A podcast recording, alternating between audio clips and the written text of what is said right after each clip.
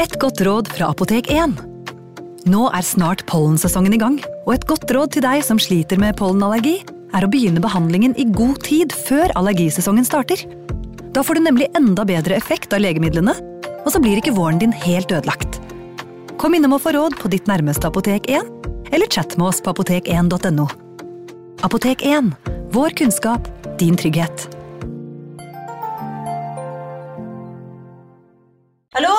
Jeg kommer fra Oslo politikammer.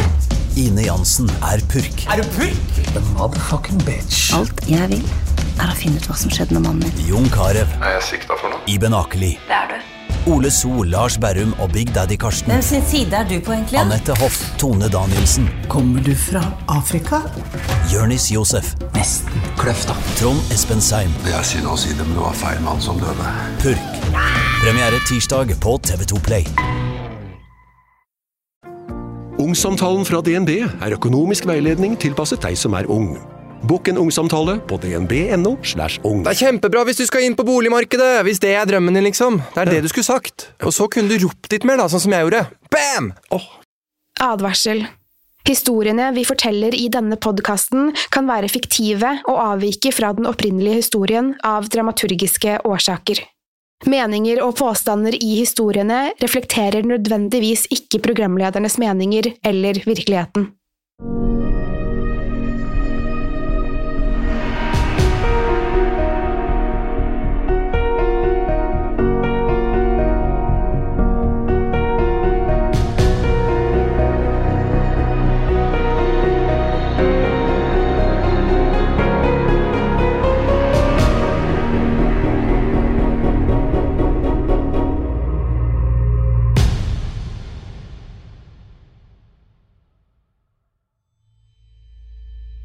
For fire år siden flyttet min samboer og jeg inn i et nytt hus. På dette tidspunktet hadde vi en sønn på åtte måneder og en liten jente på vei. Livet var fantastisk, vi så frem til å treffe vår datter, samtidig som vi gledet oss over tiden med gutten vår. Sønnen vår skulle akkurat begynne å sove på eget rom. Det føltes litt rart, men jeg trøstet meg med at rommet lå vegg i vegg med vårt. Vi var forberedt på at dette kunne bli utfordrende, ettersom han var så vant til å sove med oss. Men vi kunne aldri i vår villeste fantasi forestille oss marerittet vi nå sto ovenfor. I løpet av natten våknet han med et forferdelig skrik. Jeg tenkte at han syntes det var skummelt å ligge alene, men håpet at han ville roe seg i løpet av kvelden. Men han skrek utrøstelig, noe som var uvanlig for ham. Da jeg gikk inn for å trøste han, var han iskald og gjennomvåt av svette. Vi prøvde alle triksene for å roe han ned, men han fortsatte bare å skrike. Det eneste som hjalp, var å ta han inn med på rommet vårt og legge han i sengen vår. Vi tenkte at han bare ville behøve noen dager for å venne seg til det nye rommet. Vi holdt på natt etter natt, og hver kveld våknet vi av hans intense skrik. Jeg tenkte at han kanskje hadde mareritt, så vi fant frem en CD-spiller og flere lydbøker. Vi håpet at lyden av fortellerens stemme kunne roe han hvis han våknet. Det så umiddelbart ut til å fungere. Han sovnet, og vi gikk ned i stuen.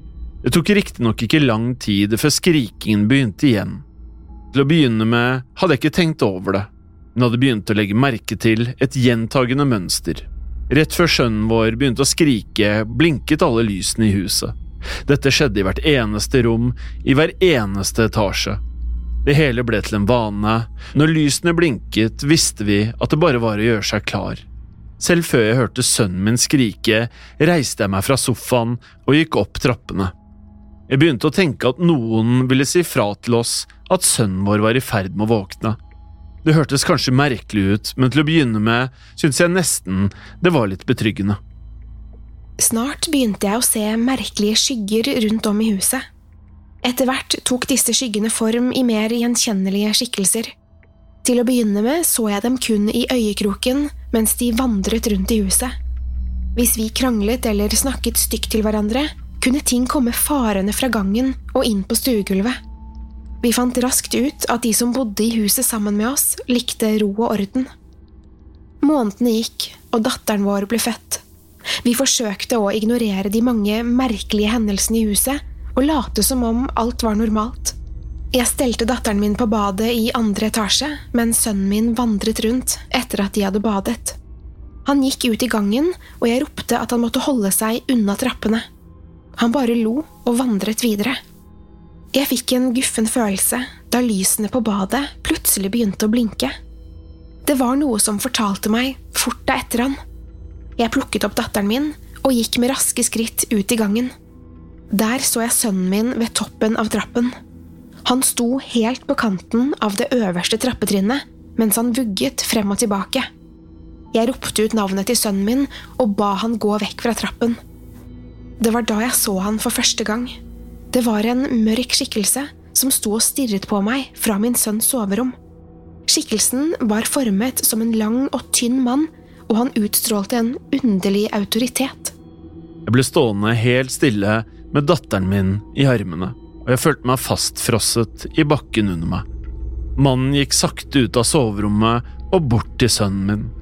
Han bøyde seg ned, og jeg tror han hvisket noe inn i øret hans. Mannen rettet seg opp igjen og gikk med bestemte skritt ned trappen.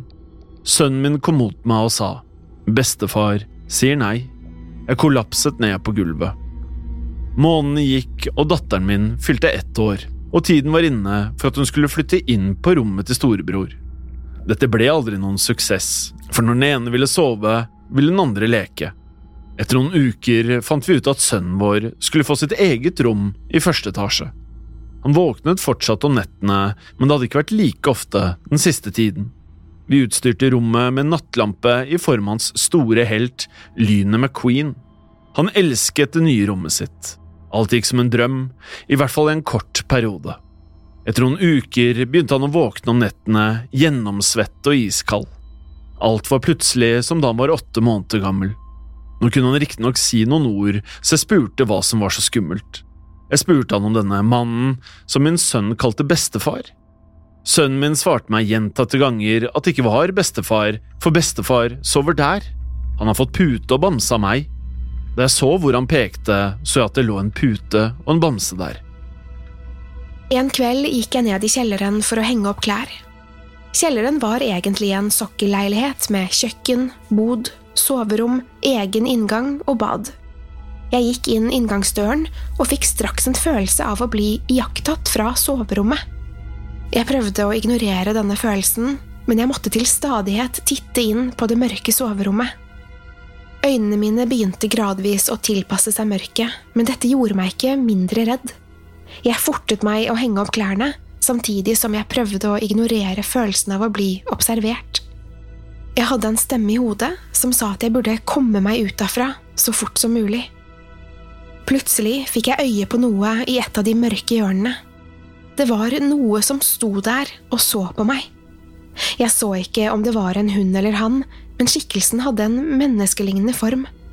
Den sto der nesten urørlig og stirret rett på meg. Jeg fikk en forferdelig følelse av noe tungt på skuldrene mine. Jeg så ikke skikkelsen lenger, men jeg følte fortsatt tilstedeværelsen. Jeg løp ut og klynket ut et beklager før jeg gikk opp til overetasjen igjen. Jeg gikk aldri mer ned i kjellerleiligheten, men jeg tror at jeg inviterte hva det nå enn var, inn i huset vårt. Datteren min var ett år på dette tidspunktet. Hun hadde overtatt rommet til sin bror, vegg i vegg med vårt soverom. Hun elsket rommet sitt og tilbrakte mye tid der inne. Det virket som hun likte å holde ryddig, for på dagtid lå det knapt en eneste leke på gulvet. På rommet hadde hun en lekekasse, en bokhylle med bøker, små figurer, en CD-spiller og et utvalg lydbøker. Hun hadde også en seng, en sykkelvogn, et lite bord og en skikkelig god, stor kosestol der vi ofte satt og leste. Grunnen til at jeg forteller så mye om dette rommet, er fordi det ble snudd på hodet i løpet av natten. Møblene ble flyttet rundt, og lekene fløt utover gulvet. Hver morgen fant jeg min lille datter plassert i underlige positurer rundt omkring på gulvet. Hun lå fremdeles i en spinkel seng, og det var ingen måte for henne å klatre ut på egen hånd. Hendene og føttene hennes var vridd, og ved første øyekast så kunne man tro at de var knekt. De pekte alltid motsatt vei av hverandre, men det virket ikke som hun hadde det vondt. Vi undret oss veldig over dette, hvordan hun klarte å komme seg ut av sengen på natten hvis hun ikke klarte det på dagen. Hvorfor la hun seg på gulvet i slike underlige stillinger? Vi forsto ingenting, inntil hun en dag sa stol og pekte på stolen som sto i rommet. Stol? spurte jeg.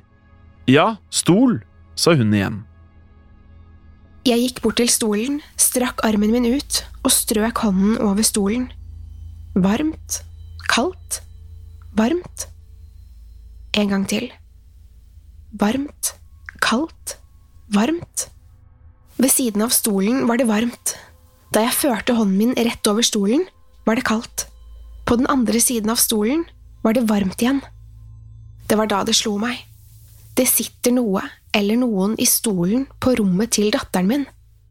Jeg ble redd, øynene mine fylte seg med tårer, noe som er uvanlig for meg. Jeg så bort på datteren min i sengen, og hun vinket og smilte mot stolen. Hun kunne se det som satt der. Hun pratet med det. Min datter fikk ikke sove alene på rommet den natten. Jeg lot heller ikke min sønn få sove på sitt rom. Begge tilbrakte natten i sengen vår. Jeg tror dette var en stor feil. Skikkelsen hadde lagt elsk på min datter, og den likte ikke at jeg tok henne fra rommet. Neste morgen innså jeg at vi ikke hadde mer brød. Jeg satte meg i bilen for å kjøre til butikken, men samboeren min var hjemme med barna. Da jeg kjørte nedover oppkjørselen vår, fikk jeg en fornemmelse av at jeg måtte se mot huset. Blikket mitt ble dratt mot vinduet til min datters soverom. Jeg trodde ikke mine egne øyne. Jeg så datteren min hengende ut av vinduet. Jeg stanset bilen og ropte av full hals på min samboer. Jeg ropte bare navnet hennes og pekte mot vinduet. Han fikk øye på henne og løp inn igjen i huset. Jeg sto helt forferdet på utsiden av huset og stirret mot vinduet. Hvorfor faller hun ikke? tenkte jeg. Sitter hun fast i noe? Rekker samboeren min frem til henne? Jeg talte sekundene mens han løp gjennom stuen, opp trappen, gjennom gangen og inn på rommet hennes. Så ble hun dratt inn vinduet igjen. Jeg takket både Gud og hvermann for at han hadde kommet frem i tide. Jeg ble sittende og vente på at han skulle vise seg i vinduet. Jeg regnet med at han ville rope for å forsikre meg om at alt sto bra til. Det tok flere sekunder før han kom til syne, flere sekunder etter at hun ble dratt inn. Det var nemlig ikke han som hadde reddet henne. Da han kom inn på soverommet, satt hun allerede i stolen og smilte fra øre til øre. Jeg forstår fortsatt ikke hva som egentlig skjedde den dagen hvordan min ett år gamle datter fikk opp begge hempene på det gamle vinduet. Hvordan kan en ettårig få barnesikringen uansett? Mest av alt lurer jeg på hvem det var som reddet henne. Jeg får nok aldri svar på hva som egentlig foregikk i det huset, og det kan være like greit. Jeg orket uansett ikke å bli boende der, og vi flyttet kort tid etter. Hver eneste natt når jeg lukker øynene om kvelden, ser jeg for meg datteren min som henger fra vinduet i andre etasje. Hver gang hun våkner med et skrik om natten, får jeg en klump i halsen. Jeg var 18 år, og det var like før jeg ble russ. Jeg var ofte ute og festet i denne perioden, men det var én ting som opptok meg mer enn noe annet. Jeg hadde nemlig forelsket meg i Katrine. Jeg hadde akkurat feiret russedåpen sammen med flere venner og klassekamerater. Katrine, kompisen min Daniel og jeg endte opp med å dra videre og fortsette å drikke og feste. Det ble sent, og vi ble relativt fulle i løpet av kvelden. Da vi innså at vi ikke ville rekke siste buss, sa Katrine at vi kunne sove på sofaen hennes. Vi la oss ned på sofaen i kjellerstuen, utenfor rommet til Katrine. Ettersom vi var fulle og trøtte, orket vi ikke å styre med puter og dyner. Vi brukte bare dekorputene og to tepper som Katrine fant frem til oss. Fornøyd etter en vellykket fest la vi oss for å sove. Daniel snorker selvfølgelig, høyt, så jeg gjorde det enhver kompis ville gjort, jeg kastet den eneste puta jeg hadde mot han, halvveis i søvne. Han sluttet å snorke, men jeg var våken og klarte ikke å sovne igjen. Jeg følte meg dårlig, jeg var kald, jeg svettet og hodet mitt dunket. Etter hvert ga jeg opp å prøve å sove. Jeg plukket isteden opp telefonen og sjekket Snapchat og Instagram. Etter hvert begynte Daniel å snorke igjen. Det var like før jeg kastet telefonen på han. Plutselig så jeg en annen mørk skygge fly forbi ansiktet mitt. Skyggen traff Daniel rett i hodet. Jeg lyste mot han med telefonen og så at det var enda en pute. Jeg tenkte at Katrine måtte ha kastet puten. Kanskje snorkingen hans hadde holdt henne våken også. Men døren til rommet hennes, den var jo lukket. Det var ingen andre i rommet enn Daniel og meg. Likevel føltes det som at vi ikke var alene. Jeg ble overbevist om at det sto noen rett bak meg, men jeg turte ikke å snu meg. Hjertet hamret i brystet, jeg fikk gåsehud på armene, og hårene i nakken reiste seg. Frykten tok fullstendig over da jeg følte noen stryke meg over hodet. Jeg reiste meg brått og var klar til å skrike, slåss eller å løpe. Det som sto foran meg, var en gammel dame. Det eneste jeg husker, var ansiktet hennes. Det var rynkete. Hun hadde grått hår, og øynene hennes var tåket av grå stær. Jeg rygget bakover og inn i sofaen, hvor Daniel sov. Jeg snublet og endte opp med å sette meg på ryggen hans. Jeg tittet ned for å se om han våknet. Da jeg hevet blikket, var damen borte. Jeg klarte på en eller annen måte å overbevise meg selv om at det bare var en drøm. Jeg husket ikke at jeg la meg til å sove igjen, men våknet av Katrine som kom ut av rommet sitt. Det var tydelig at hun var litt klein fra kvelden før. Hun satte seg ned ved siden av meg og spurte om jeg hadde sovet godt. Jeg turte ikke fortelle henne hva jeg hadde opplevd, så jeg svarte bare ja. Jeg ville jo ikke at Katrine skulle tro at jeg var en pyse heller. Plutselig stivnet hun helt. Fargen forsvant fra ansiktet hennes da hun så puten som lå ved sofaen. Jeg spurte om det gikk bra, men merket at noe var fryktelig galt. Hun svarte at puten skulle ligge på en stol i andre etasje. Hun spurte om moren hennes hadde gitt oss en pute til, vi kunne bekrefte at ingen andre enn oss hadde vært i rommet. Noen måneder senere hadde jeg og Katrine blitt kjærester. Jeg var både stolt og glad over å kunne kalle henne min. Jeg bodde nå i et kollektiv med bestekompisen min Truls. Jeg hadde det fantastisk. Enten jeg var sammen med Truls eller med Katrine, var livet mitt flott. En kveld jeg hadde snakket med Truls, fikk jeg følelsen av at noe var fryktelig galt. Jeg begynte å tenke på Katrine og følte at jeg måtte ringe henne. Jeg ante ikke hva det kunne være, jeg bare følte at hun ikke var trygg. Jeg ringte og spurte om hun ønsket besøk. Hun hørtes ganske lettet ut. Lyden av stemmen hennes avslørte at noe faktisk var galt. Jeg hadde håpet at de ville berolige meg og prate med henne, men nå var jeg virkelig bekymret. Jeg dro til Katrine med en eneste gang. Det første hun gjorde da hun så meg, var å klemme meg alt hun kunne. Hun hadde tårer i øynene. Jeg sa ingenting, jeg bare holdt rundt henne til hun følte for å snakke. Hun fortalte meg om en merkelig drøm hun hadde hatt den natten. Hun hadde drømt den samme drømmen flere ganger tidligere. En gammel kvinne med tåkete øyne viste seg for henne og sa Jeg ser deg. Jeg frøste is, og hårene reiste seg i nakken min. Jeg begynte å tenke på damen som jeg hadde sett den første kvelden jeg hadde sovet i huset hennes. Det var fredag, og vi bestemte at jeg skulle sove hos Katrine hele helgen. Vi ble enige om å ta det rolig og bare se en film. Vi endte opp med å sette på den første Harry Potter-filmen. Det var mørkt ute, men jeg var sikker på at jeg så noen gå forbi utenfor huset. Men det var ikke før Katrine sa at hun så noen i vinduet, at jeg gikk ut for å sjekke. Jeg så flere mørke skygger i sidesynet, men de forsvant da jeg snudde blikket. Jeg gikk inn igjen og sto i gangen for å ta av skoene. Plutselig forsøkte katten til Katrines lillesøster å smette ut døren, men jeg lukket den raskt. Katrine løp for å fange katten, ettersom hun ikke hørte at jeg lukket døren. Katrine stivnet, og katten begynte å frese mot meg. Jeg visste ikke hvordan jeg skulle reagere, og ble bare stående og stirre tilbake på dem. Plutselig ropte Katrine, Kom deg vekk fra oss! Jeg sto der med bare én sko og stirret på henne. Jeg forsto ingenting da Katrine begynte å gråte. Hun bare hulket og gjentok Vær så snill å forsvinn. Jeg ble lei meg og trodde hun prøvde å slå opp. Da jeg bøyde meg for å ta på den andre skoen, grep hun armen min og trakk meg til seg. Det hele skjedde så brått at jeg snublet, og det var like før jeg landet på katten. Det var da jeg så ansiktet i dørvinduet. Glasset gjorde ansiktet utydelig og forvrengt, men jeg kunne se to tåkete øyne. Jeg reiste meg, fremdeles med skoen i hånden. Jeg var rasende. Jeg slang opp døra for å be denne personen komme seg vekk, men da jeg åpnet døren, var det ingen på andre siden. Katrine hulket og gråt fremdeles. I ettertid tror jeg kanskje hun var i sjokk. Vi snakket ikke noe mer om det som hadde skjedd, men jeg bestemte meg for at vi skulle legge oss. Hun ba meg holde rundt henne, og jeg holdt henne helt til hun sovnet.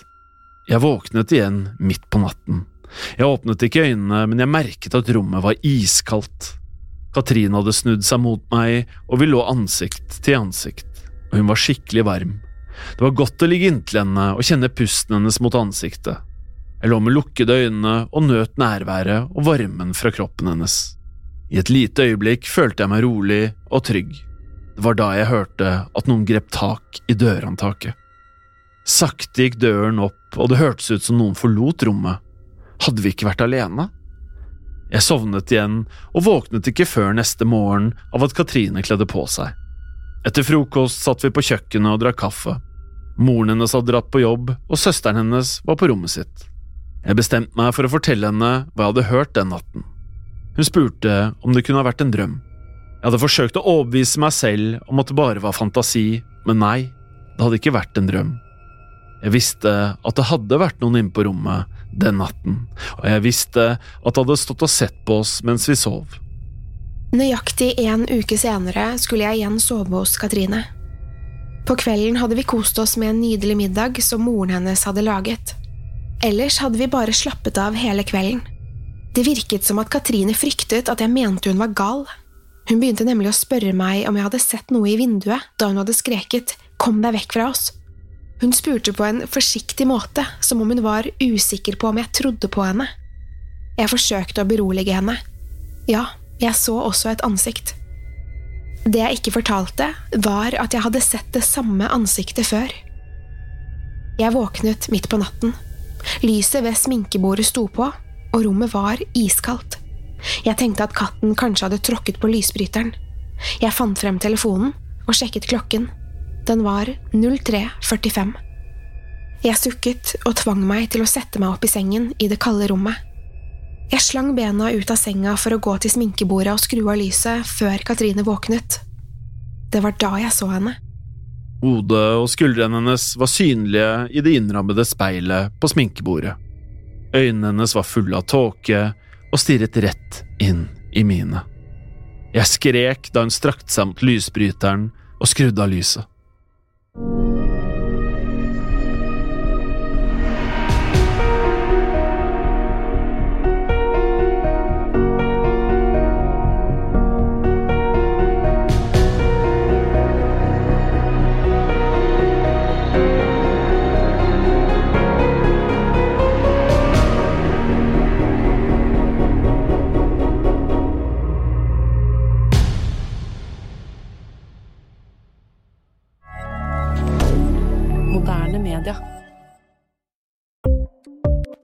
Ukens annonsør er Folio, en smartere banktjeneste for deg som har en egen bedrift eller ønsker å starte for deg selv. Folio er en superenkel nettbank for bedrifter. Som kunde i Folio får du en bedriftskonto med et bedriftskort og app. I denne appen er det smarte løsninger som forenkler regnskapet ditt, uansett om du har en liten bedrift eller et enkeltpersonsforetak. Folio er både intuitivt og brukervennlig, og er laget med et enkelt språk. I tillegg tilbyr de forutsigbare priser og ingen skjulte gebyrer. Skulle du likevel trenge det, så kan du snakke med deres raske og hyggelige kundeservice, og der får du prate med en faktisk person og ikke en chatbot. Folio er med andre ord både enklere og koseligere enn banken. Over 10 000 bedrifter har allerede valgt Folio som sin banktjeneste, så besøk folio.no og se hvordan Folio kan forenkle din hverdag også. Har du et enkeltpersonforetak eller en liten bedrift? Da er du sikkert lei av å høre meg snakke om hvor enkelt det er med kvitteringer og bilag i fiken, så vi eh, gir oss her, vi. Fordi vi liker enkelt. Fiken superenkelt regnskap. Kiwi er billigst i VGs matbørs og har vært billigst i fire av de fem siste VGs matbørser. Og nå presser vi prisene på frukt og grønnsaker. På 200 gram broccolini setter vi prisen til 24,90. På 400 gram Cevita blåbær setter vi prisen til 49,90. Og husk, alle Kiwi Pluss-kunder får i tillegg 15% trumfbonus på all fersk frukt og grønt. For det er vi som er prispresserne. Og vi i Kiwi gir oss aldri på pris.